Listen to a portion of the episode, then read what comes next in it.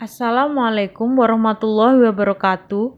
Perkenalkan, nama saya Malinda Abdika Rahmah, peserta Latsar CPNS 2022 dari Kementerian Pendidikan dan Kebudayaan Riset dan Teknologi yang bertugas di Universitas Jenderal Sudirman.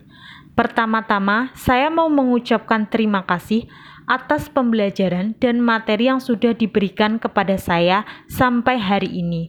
Berikut adalah kesan saya selama pembelajaran. Pada hari ini, saya mengikuti kegiatan pembelajaran secara sinkronus.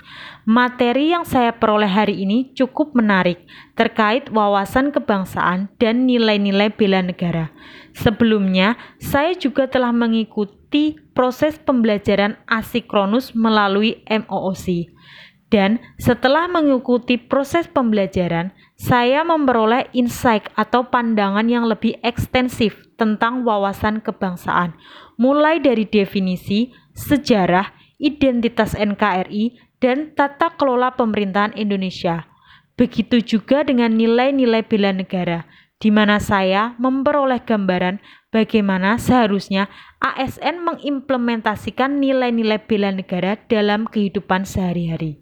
Secara umum, metode pembelajaran ini sudah ideal, khususnya di masa pandemi.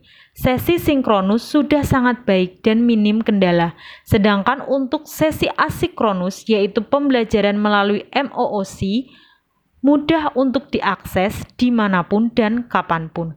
Hanya saja tidak dapat dipungkiri, materi di modul pada saat MOOC sangat banyak dan terkadang menimbulkan rasa bosan.